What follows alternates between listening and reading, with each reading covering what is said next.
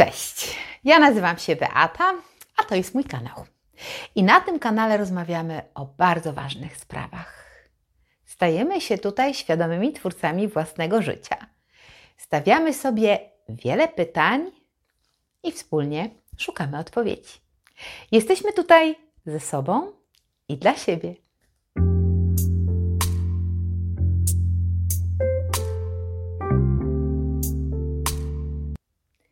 Myślę, że całe życie szukamy złotego środka na to, żeby być szczęśliwym. Żeby mieć szczęśliwą relację. Tylko jaka ona powinna być? To dzisiejszy temat naszego filmu. Jeżeli poznajesz kogoś i wchodzisz w związek, to widzisz tylko kwiatki i motelki. Ślepniesz, głuchniesz na wszystkie inne dźwięki świata. Na samym początku każdej relacji bardzo silnie pobudzone są ośrodki nagrody. Wszystko jest związane z lawiną, lawiną endorfin. Myślenie absolutnie jest wyłączone. 0,0. Żaden przycisk nie działa. Wszystko się wyłącza. Nie ma po prostu nic. Wiecie, wszyscy wyszli, światło zgasło i jest koniec imprezy. Więc myślenie tutaj w ogóle nie ma nic do gadania. Wszystko, co on robi, i co ona robi, jest po prostu idealne. Ona najlepiej gotuje, on najlepiej prowadzi auto, jej matka starzeje się przepięknie.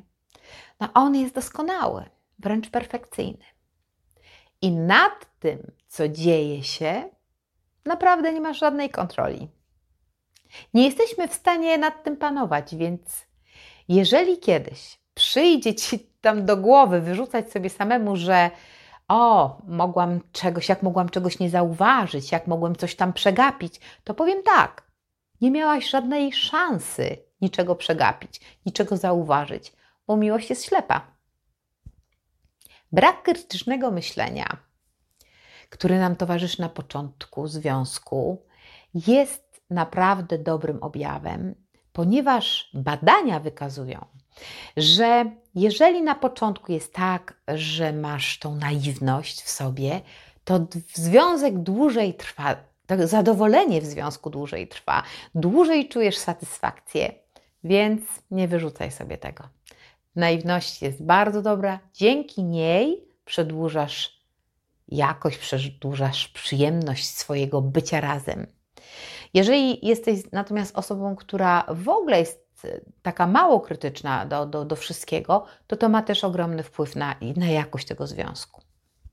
Ale dobra, jeżeli się zakochasz, czyli już wiesz, że to ta i że to ten jedyny, i zaczynasz tam, wiesz, jej ukradkam, ukradkiem miłosne wiersze SMS-ować, a ona planuje z tobą dwójkę dzieci i dom na wsi jeżeli już oboje ustalicie, że on mówi, no podobasz mi się, kocham ciebie, a ty odpowiadasz mu, e, ty też, ja też, to zaczyna się ten etap, który nazywamy intymnością.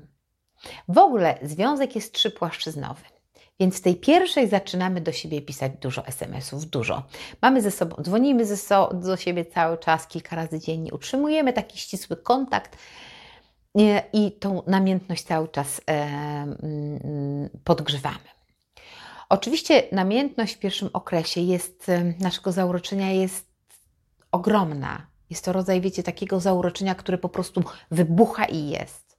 Wtedy ona patrzy na niego takim wzrokiem: O mój Boże, mój ci, on, mój jedyny, wyjątkowy, a on to wszystko odwzajemnia. Każdy och i ach. I wtedy co się dzieje? No do widzenia rozum, Niagara endorfin, butterfly w brzuchu i nic się nie liczy. Cały świat przestaje istnieć.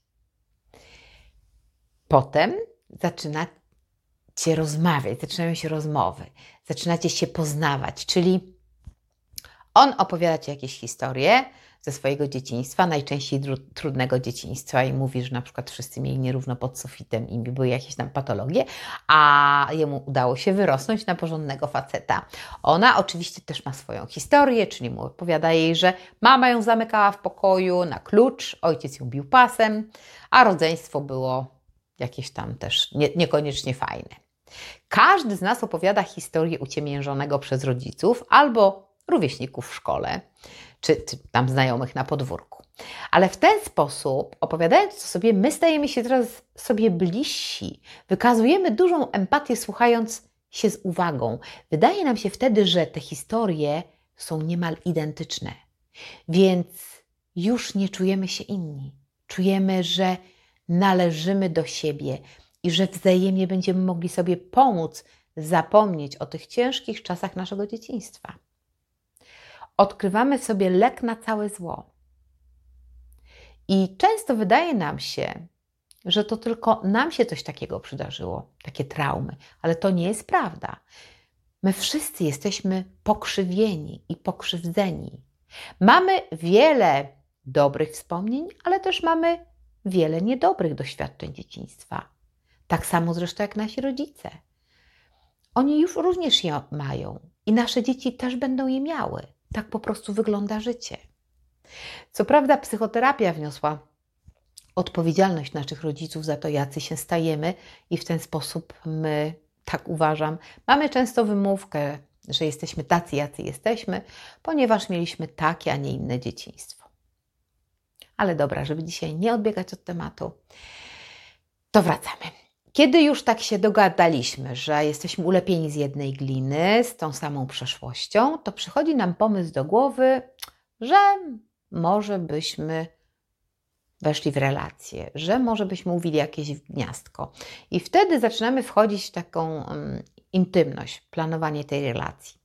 Faza intymności jest bardzo istotna i polega ona głównie na wzajemnym uczeniu się. Na przykład, ona wraca z pracy i mówi, że wiesz, taka wkurzona wraca, i że szefowa ją tam ochrzaniła, projekt nie wypalił. On podnosi głowę z nad gazety i bez głupiego komentarza w stylu a, bo głupio się dajesz wykorzystywać, już dawno Ci o tym mówiłem, robisz ciągle te nadgodziny, trzeba było teraz jej odpalić, żeby sobie tam innego frajera poszukała i tak dalej. Nie, nie. On po prostu wstaje, odkłada gazetę, robi kawę albo otwiera wino, stawia na stole czekoladki i mówi siadaj, pogadamy. I to jest właśnie to, kiedy uczymy się siebie nawzajem. Uczymy się po prostu instrukcji obsługi siebie i dotyczy to każdej przestrzeni. reakcji na smutek, stres, seksu, ponieważ każdy z nas mówi o tym, jaką ma potrzebę i mówi w jasny sposób. Tu mnie dotknij, tu nie dotykaj, w taki sposób, dłużej, krócej i tak dalej. To jest niezbędny element do tego, żeby nie oczekiwać, że ta druga strona się kiedykolwiek domyśli. No ludzie, nikt się nie domyśli. Trzeba po prostu o tym powiedzieć. Ale trzeba też z drugiej strony mieć chęć uczenia, chęć poznawania partnera. Uczymy się przez otwartą komunikację, żadnych zawaluowań. Czyli mówisz, tak mi rób, tak mi powiedz, powiedz mi to później, powiedz mi w ten sposób, nie podnoś głosu, przytul mnie wtedy, powiedz coś miłego, nie wiem, zaproś na kolację bo nie ma lepszego sposobu na wzajemne poznanie. Jak się już poznamy, trochę tam te mapy swoje postudujemy, to mamy, wchodzimy w trzecią fazę i to jest faza, w taką trzecią warstwę, to jest zobowiązanie. I tu mamy kompletny związek, czyli mamy namiętność, intymność i zobowiązanie. Zobowiązanie to jest jasność w świadczeniu sobie usług. Czyli wiemy, że ty robisz zakupy, ja prasuję, on gotuje, kto tam sprząta, kto się zajmuje dzieckiem. I to się wydaje zupełnie w porządku. I wydawałoby się, że powinno być wszystko w jak najlepszym porządku i powinno być super. Ale okazuje się, że nie. Że to jest początek dramatu, że to jest pierwszy poważny kryzys. Ponieważ po pierwsze, to spadła namiętność na łeb, na szyję. Nie ma już tam tego, co wiesz, co było. Absolutnie nie ma już nic. Ona rozpływa się, znika jak bańka medlana. Na 10 przypadków to 9 z nich mówi o tym, że namiętność w tym, na tym etapie, na tej płaszczyźnie znika zawsze i już nigdy nie wraca. I na czym polega teraz ten kłopot? Kiedy już nie ma namiętności i nie ma już tej intymności, tego wspólnego, wiecie, tam przesiadywania i sobie tam do uszu szeptania, opowiada mnie sobie o tym, o wiesz, to mnie tu mnie tam bolało, a wtedy to było tak niemiło, a wtedy tam cierpiałem i tak dalej. E, no bo to już całkowicie zmniejsza się natężenie te, te, tych rozmów, to wtedy związek przeradza się w związek przyjacielski. Może zapytasz tak, no jaka jest na to recepta, jak, jak to zatrzymać, żebyśmy byli nadal tymi namiętnymi kochankami w pełni i z tą namiętnością, jak to sobie, wiesz, przywrócić. No ja nie mam dobrej wiadomości dla Ciebie, bo nic z tym nie zrobisz. Ja Cię muszę od razu rozczarować, ponieważ my jesteśmy tak fizycznie skonstruowani. Jeżeli już mamy jakiegoś partnera i on jest już nasz i to tak się, tak się do niego przyzwyczajamy szybko, że, że zaczyna spadać atrakcyjność tego wszystkiego, co tworzymy w tym związku. I oczywiście wiem, co chcesz powiedzieć, że możemy pracować, możemy robić wiele różnych rzeczy, ale to już nigdy nie będzie tak samo, już nigdy w taki sam sposób nie będziesz odczuwał. Oczywiście nie mówię, żeby nie pracować. Warto pracować nad każdym z elementów tworzących związek. Tak czy inaczej, związek przechodzi w związek przyjacielski i na tym etapie wzrasta zobowiązanie. Ta płaszczyzna zobowiązania zdecydowanie się umacnia i rozwija. Czyli ustalenia typu kto wychodzi z psem, kto myje samochód, kto gotuje, kto sprząta, czy bierzemy kredyt, czy budujemy dom, gdzie wyjeżdżamy na wakacje, z kim się kumplujemy, kto zajmie się dziećmi i tak dalej. Ustalamy, co każda ze stron robi, żeby się wzajemnie wspierać. Czyli nazwijmy rzeczy po imieniu, zaczynamy wymieniać usługi między sobą. Ale jeżeli związek poprzestaje na zobowiązaniach tylko z jednej strony, to najczęściej wydarza się tak, że ona mówi, że to jest koniec, że wychodzi z tego. Out, ponieważ ma dość. Jedno z partnerów wtedy ma takie przeczucie, że zbyt dużo daje, niewiele otrzymując, że jest zmęczona, że związek staje się płaski, nie ma w nim nic, czuje się wręcz wykorzystana i zawiedziona. Często jest też tak, że my sobie te wzajemne zobowiązania zaczynamy wyrzucać nawzajem. I mówimy do siebie, a ja dla ciebie gotuję, a ja to ci zawsze co tydzień auto myję, a ja to ci prasuję, a ja to ci tamto. I zaczynamy robić sobie z tego wyrzuty. I to, co powinno nas umacniać w tym związku, staje się bronią przeciwko nam samym. Zauważamy, że wiele rzeczy staje się transparentne. I tak samo jest z naszymi zobowiązaniami. My sobie wyrzucamy nawzajem bo one stały się już niewidoczne. Żadna ze stron nie czuje, że ta druga docenia, czy jest wdzięczna. I zaczyna się ten etap rozchodzenia, czyli nasze drogi zaczynają się rozchodzić. I co mam tutaj na myśli? To na przykład, że mamy oddzielne łóżka, po to, żeby, no wiesz, jak się mamy spotkać, to się spotkamy, ale jak on chrapie, to żebym ja mogła dobrze się wyspać. Mamy na przykład dwie lodówki, no bo ja jem wege, a on ten boczek, więc nie chciałabym, żeby były w mojej lodówce cierpiące mięsa. Mamy dwa oddzielne telewizory. On ogląda mecz i sobie tam wywrzaskuje, a ja oglądam swoje seriale. Zaczynamy robić wszystko oddzielnie. Ja jeżdżę rowerem, chodzę na spacery, a on trzyma pilota i piwo w zasięgu ręki. Zaczynamy oddzielnie wyjeżdżać na wakacje, czyli on wyjeżdża z kumplami, żeby napić się gorzały do obucha i poświntuszyć, a ja na jogę i wyciszanie z koleżankami. I niby z pozoru wydaje się, że nic się nie dzieje, że to wszystko jest przecież ok, że każdy robi to, co lubi, a nikt nikogo do niczego nie zmusza. A jednak tak nie jest do końca, ponieważ okazuje się, że związek się rozpuszcza. Jest to preludium pustego związku, w którym tak naprawdę nic już się nie dzieje. Oprócz kredytu hipotecznego już nic nas nie łączy. I prawda jest też taka, że jeżeli aktywnie nie zbudujemy w sobie tego elementu wdzięczności za to, co wkładamy oboje do tego związku, to on się rozsypie. I żeby była jasność, związek to jest kawał roboty. To jest naprawdę ciężka praca. To, żeby funkcjonował dom, rodzina, dzieci, dwoje ludzi tak różnych, którzy się spotykają. I żeby to wszystko utrzymać w kupie, to naprawdę jest ogromne wyzwanie. Już sam fakt spojrzeć na te pierwsze różnice. Zobacz, namiętność jest bardzo ważna dla kobiet, intymność bardzo ważna dla mężczyzn. Więc już w tym momencie widzimy, jak bardzo ważne jest to, żeby pamiętać, co jest dla nas istotne, na co powinniśmy zwrócić więcej uwagi, co powinniśmy inicjować, żeby ten nasz związek utrzymać na pewnym poziomie endorfin i wzajemnie wypełnić te luki. Po prostu współpracować ze sobą. Nie pamiętam, kto to powiedział, ale pewnie była to kobieta, że jakaś socjolog, nie pamiętam, ale w każdym razie powi powiedziała tak, że powinniśmy mieć trzech partnerów w swoim życiu. Jednego do seksu, drugiego dla dzieci, a trzeciego dla przyjaźni. Ja, ze względu na własne bezpieczeństwo, nie odniosę się do tego, żeby się tutaj nikomu nie narazić. Być może Ty jesteś tym szczęściarzem, że w jednej osobie znajdujesz te wszystkie trzy spełnienia, choć tak różne ze sobą. Moim zdaniem jest to w ogóle niemożliwe.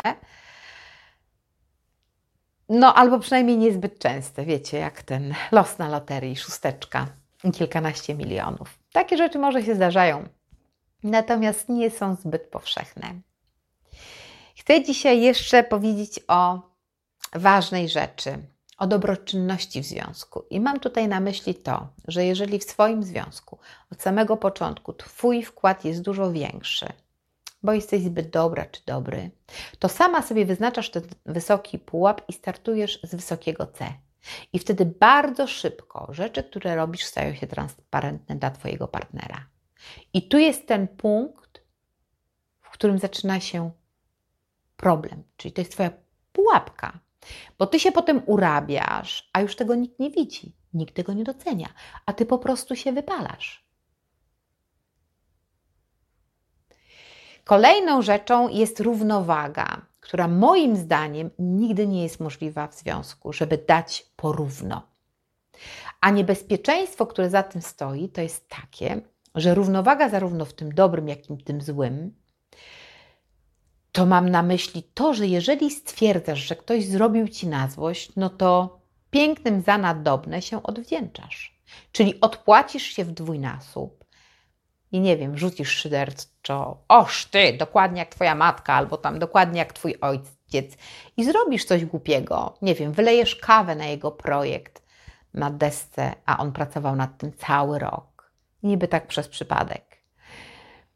Myślę, że warto się zastanowić nad tym, nad tą równowagą. Warto zastanowić się nad tym, czy faktycznie odwet czy złość warto odreagować w taki sposób, czy lepiej może po prostu o tym porozmawiać. I wtedy wziąć się za ten drugi element, o czym mówiłam, za ekscytację. Intymności, czyli zamiast eskalować złość, to bardziej popracować nad tym, żeby rozwijać tę część, która może przedłużać bycie razem.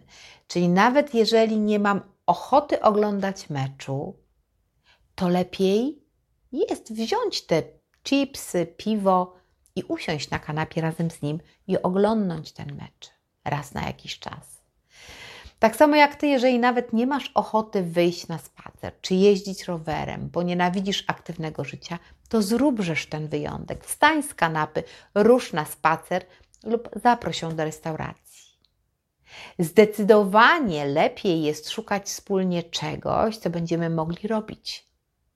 Dbając o elementy, które scalają związek, nawet jeżeli to będzie powodem do kłótni, bo wbrew pozorom, kłótnia też jest elementem, który scala związek, zwłaszcza godzenie się po kłótni. Wcześniej już powiedziałam tak, że związek jest ciężką pracą. Jeżeli decydujemy się na bycie w związku, to bądźmy świadomi tego, że trzeba wkładać w nam pracę. I może nie będzie łatwo, ale będzie warto. Zaufaj mi.